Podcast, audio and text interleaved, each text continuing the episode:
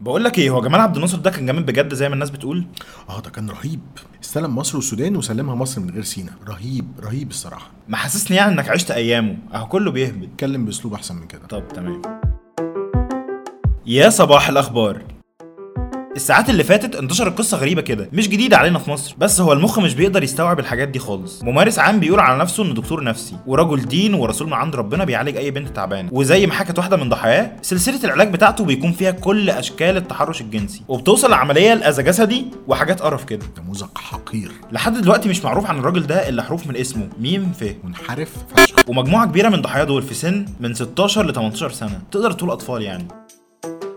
كمان امبارح كانت الذكرى ال50 لرحيل الرئيس الثاني لمصر جمال عبد الناصر. والغريب بقى انه كان ترند وانه بعد العمر ده كله لسه الناس بتدخل في جدالات ونقاشات زي ان عبد الناصر ده بطل الأبطال ومفيش حد جه في التاريخ زيه. أو إنه ملك الهزايم المتهور وبرنس المعارك الخسرانة. يا جماعة الراجل مات يعني وله ما له عليه ما عليه. رهيب الله يرحمه كان رهيب.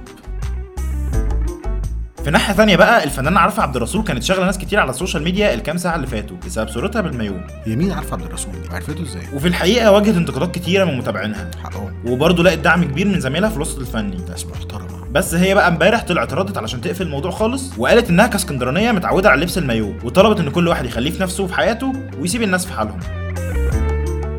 كمان محمد رمضان كان مسيطر على الترندات الليلة اللي فاتت بعد تصريحاته الأخيرة اللي كان بيأكد فيها على فكرة إنه نمبر 1 في كل حاجة تمثيل وغنى ده غير كمان إنه أول فنان مصري خد التأشيرة الذهبية من الإمارات. خدها فين؟ آه قصدي خدها منين؟ من الإمارات. طبعا كلامه كان عامل قلق بين الناس ففي اللي شايف إن غروره ده كل يوم بيزيد أكتر وأكتر واللي بيحبوه بيحذروه من ده وفي اللي شايف إنه اجتهد كفاية وحقه يفتخر بنجاحه. في اللي شايف عقد ناقص. طبعا عارفين إحنا فين دلوقتي. الكام ساعة الأخيرة انتشر تصريح غريب كده للكابتن رضا عبد العال جوارديولا العرب عمل شوية قلبان في العوالم الافتراضية وكان بيرد فيه على رأيه في حال التدريب والمدربين في مصر. فقال إن إحنا عندنا عقدة الخواجة ومفيش مدرب ذكر في مصر غيره. هوبا! هو وحسن شحاتة والجوهري وهوبا قام قلب على إبراهيم سعيد والدنيا ولعت. وفي ال Premier League امبارح كان ماتش مهم جدا بين ليفربول وأرسنال وده كان واخد اهتمام الناس خاصة في مصر لأن الماتش كان بيشهد على منافسة بين اتنين من ولادنا صلاح مع ال Reds والنني مع أرسنال. صلاح ده نني عليه وطبعا اللي بيروح لأنفيلد ما بيطلعش بإيده فاضية فليفربول وجب مع أرسنال بثلاث اجوان مقابل واحد شرفي كده. بس الماتش ما خلصش هنا. على ال social media كان فيه هجوم كبير على صلاح بسبب كام حركة أنانية عملها في الماتش ده. بس ما تقولش أنانية بس. في المقابل بقى الناس كانت فرحانة بتعليق النني على الماتش وإنه شايف إن ليفربول بقى واحد من أقوى أندية العالم في الوقت الحالي.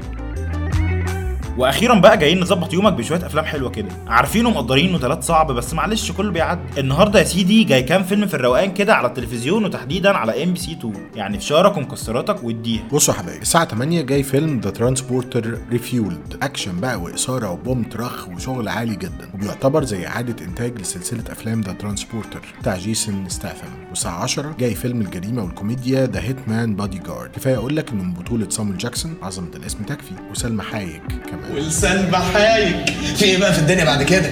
لا بصراحة بقى يا جيمي مفيش حاجة بعد كده يلا سلام. آه عمرو قول. آه صحيح. قول للناس سلام. سلام. like و share وخليك على وصلة Browser واكسب عروض وهدايا أكتر.